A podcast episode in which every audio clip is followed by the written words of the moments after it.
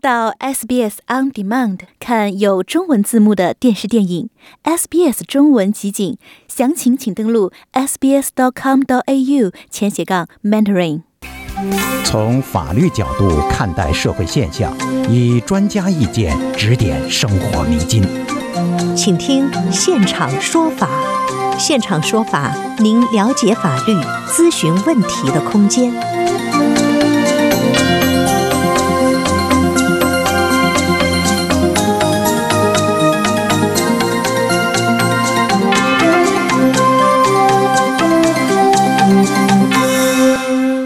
听众朋友您好，欢迎您收听 SBS 广播中文普通话节目为您带来的现场说法听众热线节目。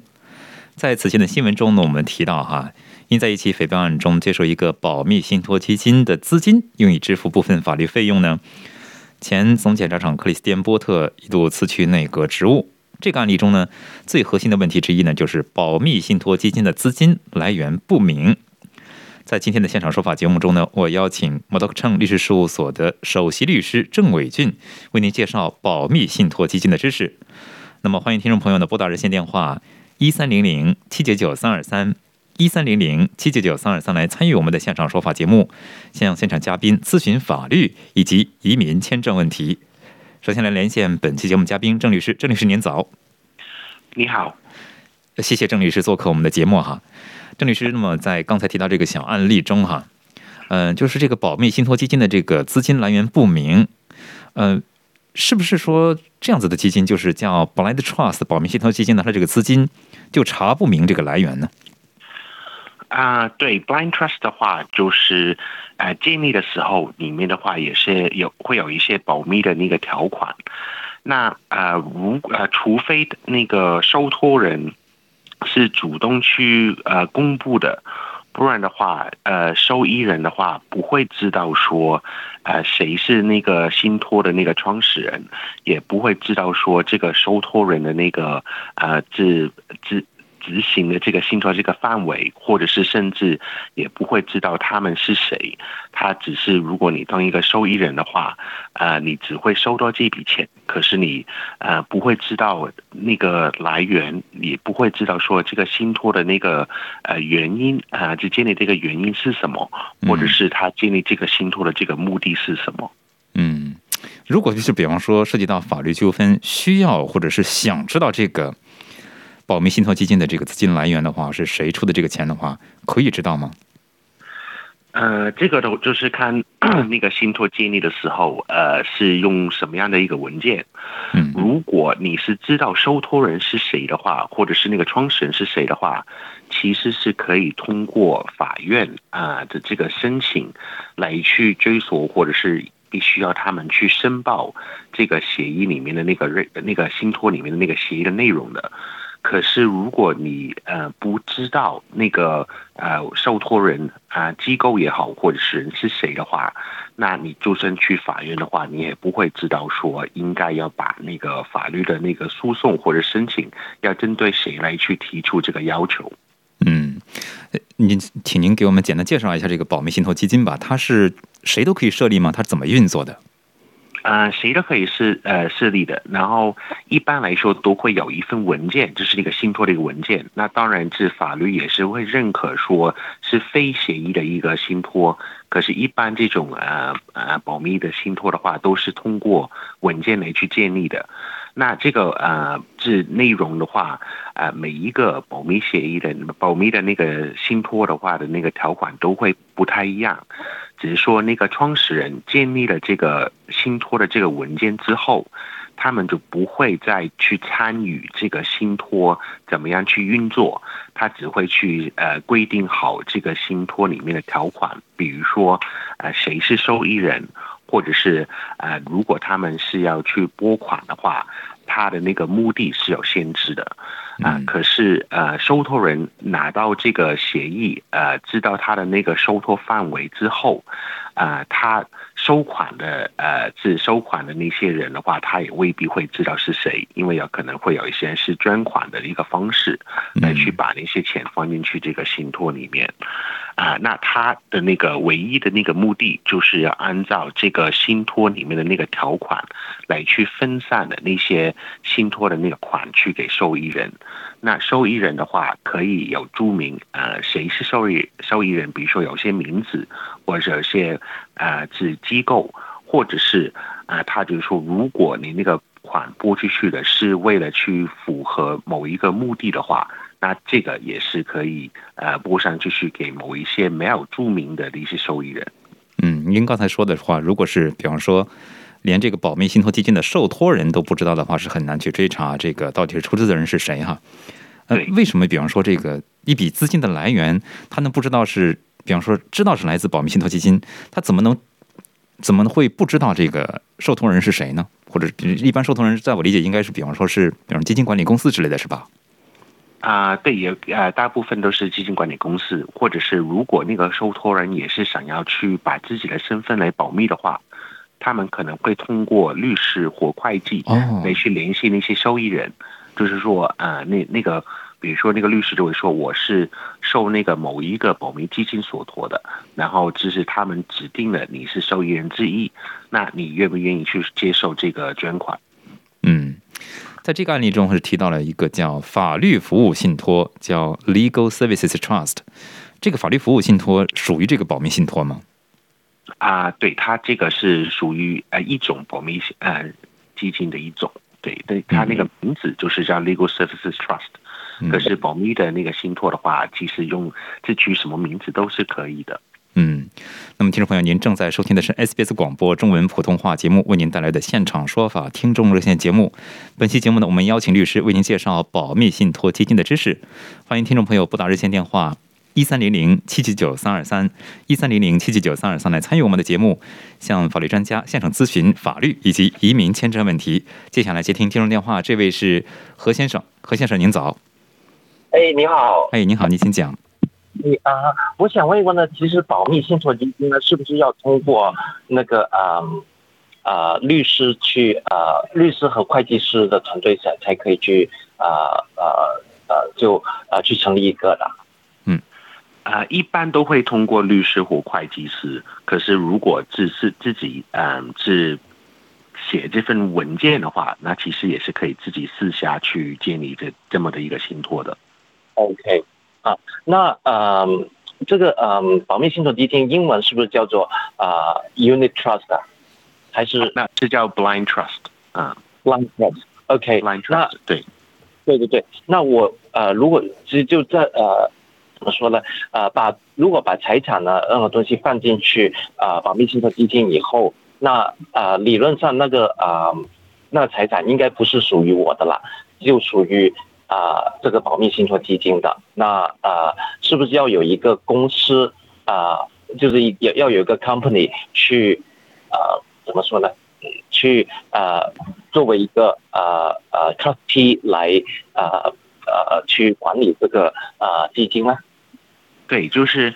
啊，信托里面主要的话就是三个呃三个角色。第一个就是建立这个 trust 这个人，他就是要 settle。那他建立了这个 trust 之后，之后就不会再参与这个 trust 里面的那个运营。那呃，第二个角色的话，就是那个受托人，就是那个 trustee。那这个 trustee 的话，就是呃持有呃这个信托里面所有的财产或基金，然后他是呃他也不是个人持有有的，他只是呃只收托了来。呃，持有，然后之后的话是需要分散给那些受益人的。那这个 trustee 这个收托人的话，可以是一家公司，或者是可以是个人，啊，这个是没有法律规定的。那一般来说，啊，为了啊把他个人的财产跟那个收托的那个。财产，呃，这分的比较清楚的话，那他们可能会建立一家 trustee 公司来持有。所以，如果是在那个公司名下的话，都是那个信托的那个基金的。嗯，何先生有解答您的疑问吗？啊，何先生可能掉线了哈。嗯，那像郑律师刚才先为何先生他问的这个问题，我觉得挺好的哈。他是问，比方说这个把这个钱放到这个保密信托基金，或者是放到这个信托基金里边之后，就是自己的这部分财产，嗯，在我理解，是不是说这个基金里面，就是说自己的所有财产，比方说类似于房产啊、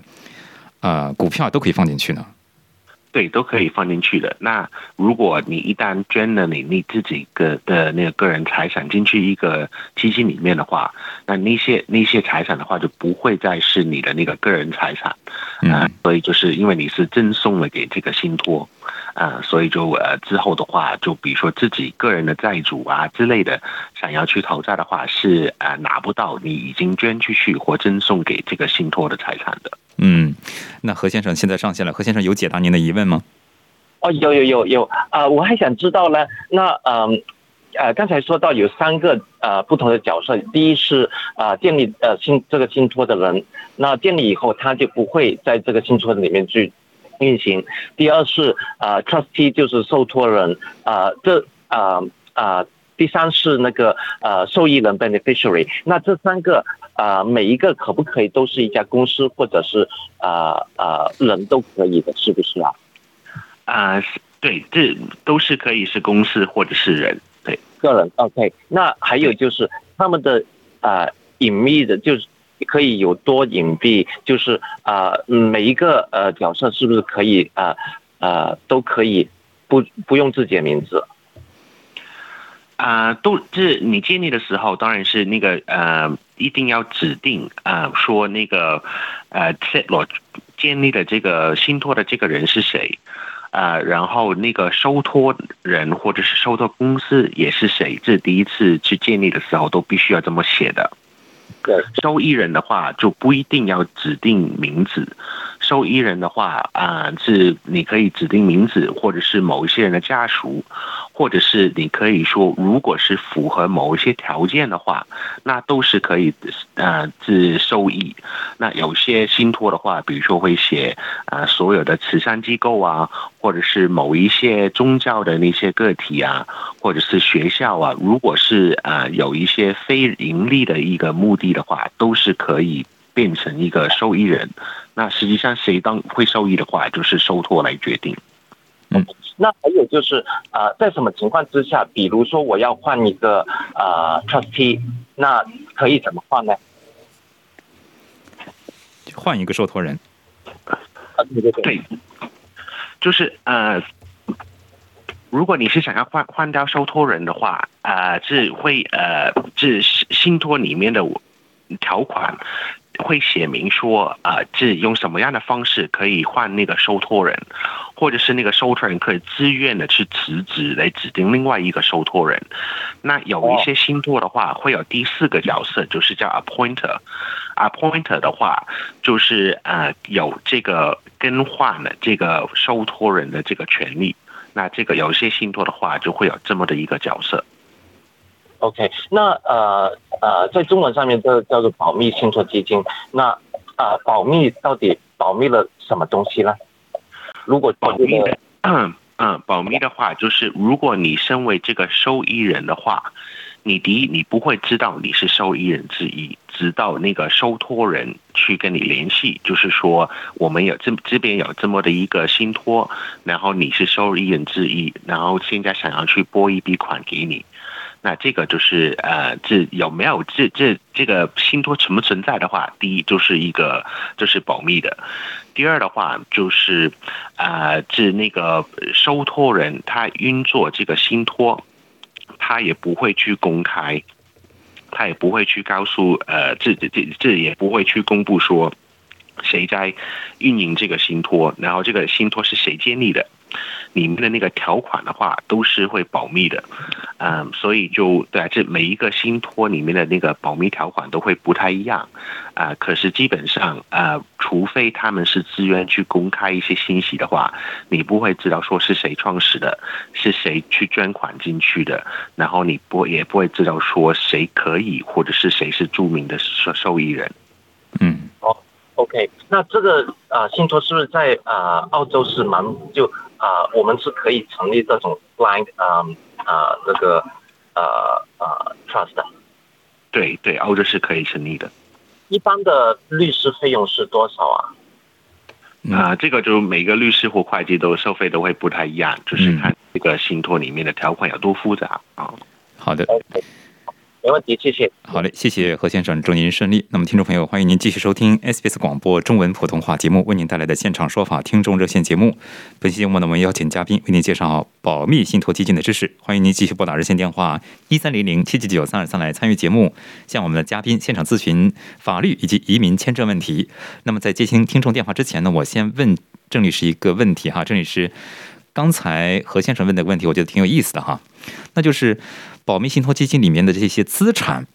会不会被别人知道？那我就是延伸出来的问题。那么政府会不会知道你这个保密信托基金里面，或者是信托基金里面的钱是你的资产呢？如果啊、这当然是那些资产的话，会收托公司或者是那个收托人持有的。嗯那呃，政府的话，如果比如说知道你那个公司的话，啊、或者是呃，这收团是谁的话，他们是可以查得到说，啊、你这些财产是呃是呃为了一个信托来持有的。可是政府不会知道说你这个信托呃里面的那个受益人是谁，或者是谁是原始的那个呃是建立的这个人。嗯他只会查到说，呃，是房产，啊，然后有某一些，比如说车子之类的要注册名字的话，就会查得到是某一家公司或某一家个人持有，可是也会标注说他是按照一个信托的这个形式来持有的。嗯，他只是一个受托人，我只知道是吧？对对，可是那个手啊、哪一个基代表哪个基金持有啊、或者是那个啊、基金里面的那个条款是什么的话，这些是查不到出来的。那就是政府，比方说有一些政府的福利啊，它有个资产测试，那这个信托基金里面的钱或者保密信托基金里面的钱，它会算入这个资产测试吗？啊，不会。如果你是能证明到是呃那个用一个收托人的名义来持有的话，这些就不会算进去你个人的那个资啊资产或财产里面。哦，这个这这足够保密了呢。那是不是可以这么理解？现在不是很经常这个婚姻双方夫妻有共同财产嘛，对不对？是不是说，呃，在比方说结婚之前，如果把这个钱放到了这个信托资金里基金里面，这份钱就不算，比方说将来的共同财产呢？对的，没错。哇，谢谢郑律师的介绍。那么，听众朋友，欢迎您继续拨打热线电话一三零零七七九三二三来参与节目，向我们的法律专家现场咨询法律及移民签证问题。接下来继续接听听众电话，这位是杨先生，杨先生久等了，请讲。哎，你好，你好我想咨询一个那个父母的那个六零零签证问题。嗯，啊，是之前就是六零零签证过来，然后因为疫情在这边延了两次签证，大概一年半时间。然后我现在想再给他申请那个家庭类担保，可以待三年，但还在那个审核那个担保资格中。我就想请问，现在我还可以给他申请六零零签证吗？啊、是可以的。对，嗯，就是跟我之给他申请的那个租三年的那个担保不不不相冲突。对，因为你那个还是还是在审理中，对吧？如果是在审理中的话，那还是可以先去申请别的签证来去继续留在澳洲的。嗯哼，但他旅游签证中就之前有一个规定，就是说不能超过十二个月，除非有那个特殊情况，就是 ex 不可抗拒的原因，或者是 exceptional 呃 condition。现在就是呃因为边境开了，就是现在还可以在境内申请给他申请那个六零零旅游签证，继续继续待吗？还是说这次必须得离境，然后再再回来，或者是怎么样？嗯，你还是需要，这还是需要去提供这个 exceptional circumstances 的。那那虽然是边境是开了，可是是啊、如果呃有一些个人的理由，嗯、是不想先回去中国的话，比如说因为中国的隔离的那个要求可嗯、可能比较难，或者是机票很难订，或者是特别贵，啊、或者是有一些个人的那个身体健康的那个理由的话，那还是可以去试图去申请这个呃自续签的。啊，好的好的，就呃，除了个人就是身体健康原因，就就如果就是说帮照顾家庭成员啊、也可以算为理由吗？就是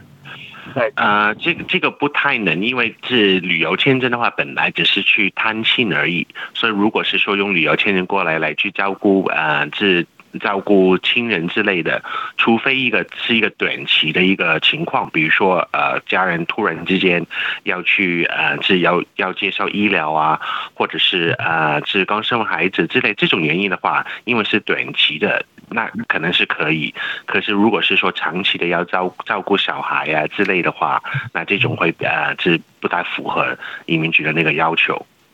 啊，好的，好的，好的，那我来试一下。好嘞，谢谢杨先生，祝您顺利。接下来接听下面一位听众电话，这位是李先生，李先生您好。啊，郑律师早，啊，主持人早，你好。那个，你好，我想问一个这个，呃，跟家家庭婚姻有关的问题。嗯。那个，就长话短说啊，我跟我太太住了十几年了，没什么太多感情。没感情的原因是因为我太太觉得，因为。他觉得我是一个需要照顾他的人，而不是说互夫妻应该互相照顾的人。然后呢，我们在过去几年基本没怎么吵过架，但是现在为了孩子，孩子不好好学习，每天玩 iPad，然后没人管，我去管，我太太不让管，然后，呃，说我的方法不对，然后我让他管，他说我没时间，每天就这样的来来回回。然后我太太最近，然后就因为不想让我管，不想让我管这个家，然后他去告我 ABO。然后，现在是这个问题，郑律师，如果告我 ABO，然后把一些我，比如说我们我苦口婆心劝他的话，当成是 ABO 的证据，然后或者让孩子，然后说一些夸张的话来来来来做 ABO 的证据，来来来来 against 我，那这个，然后我这头只有我一个人，他们那头等于是等于是有一个大人，然后有一个老人，还有还就是。然后就是得有两个孩子，这个老人呢，其实起作用就是搅屎棍的作用，他每天就是就是就是撮撮合我们离婚这种这种这种感觉。如果如果像这种，我我 A B U 应该怎么打？然后我觉得，如果要 A B U 真的成立了，那以后对他 A B U 这个 position A B U 说是不允许我接近孩子半步，也不允许接近呃这个我那个妻子半步。那那这个过得还有什么意思？这个这个家庭，我觉得就没有意义再存续下去了。因为，我作为这个这个一一家之主吧，我负责了家庭百分之九十的开销和他们所有的这个伙食啊，然后所有生活方方面面的都是我来我在负责。然后我老婆呢，她就像一个就是一个女儿一样，她就基本上就喜欢让我照顾，然后自己从来不付出这个家庭的这个妻子的责任。教育也不管，这个也不管，那个也不管，基本都不管。然后我我我苦口婆心的让他，你能不能管一管家？啊，他他就觉得这个是在在威胁他。嗯。然后我说你你你，如果你不知道怎么管，我们可以下些视频，你可以看一些视频。我说你可以花些时间看一些视频。然后他把我让他李先生，您现在请问您冒昧打断您，您是现在已经嗯收到这个 AVO 了是吗？对对对。嗯，像郑律师现在情这种情况，李先生该怎么办呢？这种事情，对，那呃，这如果是有一个 A B O 的话，警方会先去申请一个临时的。那这个临时的话，就是按照啊，这投诉人的这个证词的话，他们就可以先申请一个临时的。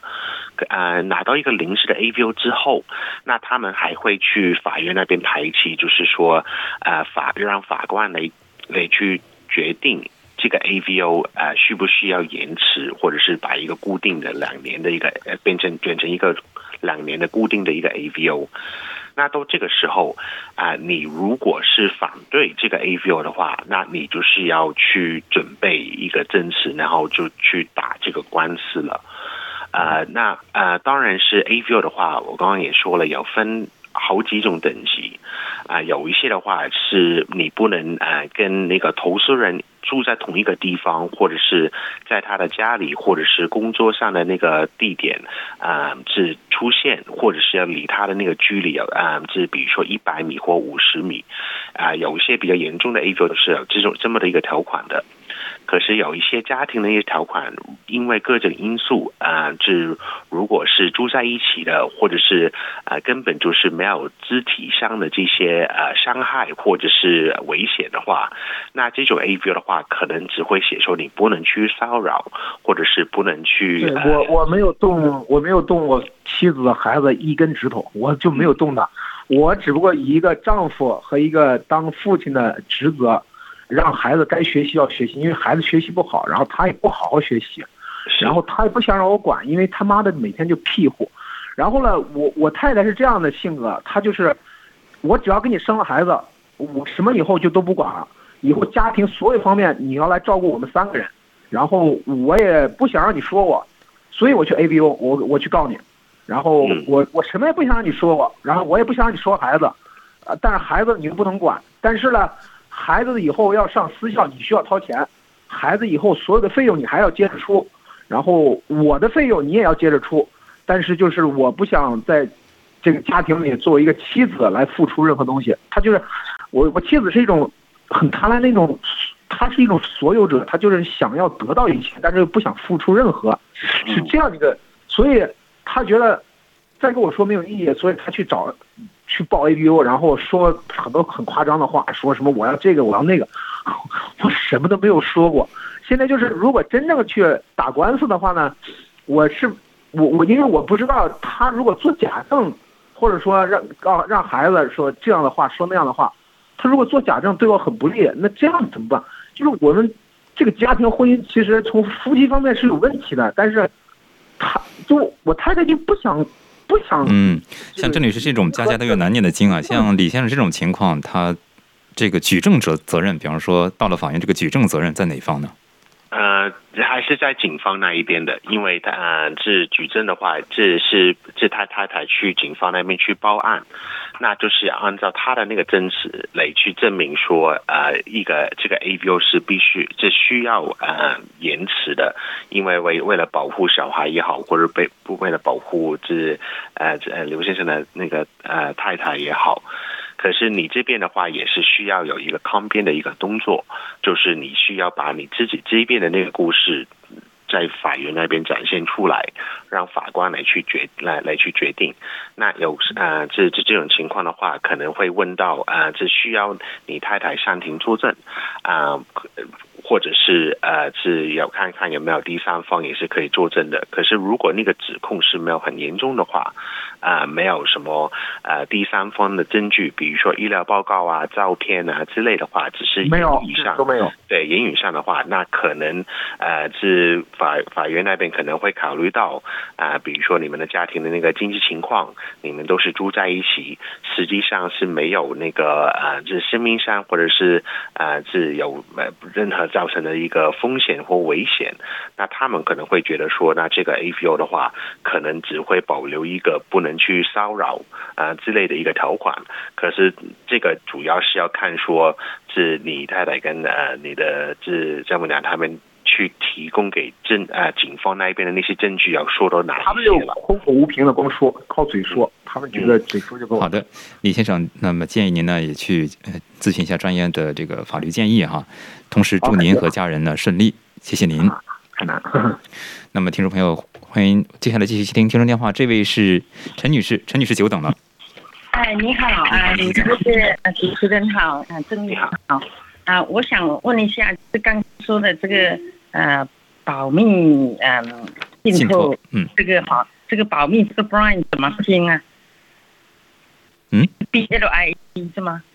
这个这个这个字怎么拼？英文怎么拼？Blind trust。Blind trust。嗯，怎么拼？你能拼给我一下吗？B L I N D。啊，B L I N D 对。OK，还有第二个问题，我想就是嗯，刚刚说的前面也很多人问过了哈，我就想。嗯，如果在澳洲有人为了犯罪而设立这个 blind trust trust 的哈，那就谁都没办法了，是吗？嗯，好问题，郑女士。呃，为了犯罪来去设设立一个 blind trust 是是怎怎么样怎么样去犯罪？比如说有人啊诈骗人家的钱，嗯，那他成立一个这种 blind trust，那就政府也没办法。你刚刚说的法院。也没有办法，除非你知道说这个呃受托人是谁，还有这个建立 trust 的人是谁，呃 beneficial 的人是谁，那这种东西是比较难的，因为既然它是保密的嘛，那那我就在想，嗯，是不是谁都没办法，花，因为没办法？嗯，像像这个陈女士她说的啊，郑律师就是说，如果是诈骗者把这个诈骗的钱放进了保密信托基金，这时候这个钱是不是就谁都不知道了呢？呃，这倒呃也不会，因为这是 blind 呃 blind trust 的话，在一个呃民事的一个呃那个环境里面的话，是都是保密的。可是如果是牵连到诈骗或者是刑事的话，那呃警方那一边的话，还是有呃各种途径来去呃泄露这个 blind trust 里面的那些呃条款的。那比如说有人是呃是比如说有一家公司，它是有进行诈骗的动作，然后因为这个诈骗的动作，他收了一大笔钱，他再把那个钱转到一个呃 blind trust 里面，那卷那个卷款的那个那个动作的话，警方那边是查得到的。那查到那个卷款的那个银行记录之后，就会知道哦，那个钱现在是放在哪一个银行账户里面。再通过警方那一边的那个呃，他是可以追查的是吧？对，还是可以追查到的。对，好的，非常抱歉，非常谢谢陈女士的咨询哈，也非常感谢郑律师做客我们的现场说法听众热线节目。呃，以上就是两个小时的中文普通话节目，非常感谢听众朋友两个小时的陪伴。我们明天同一时间仍然与您准时相约，我是刘俊杰。接下来是两个小时的中文广东话节目。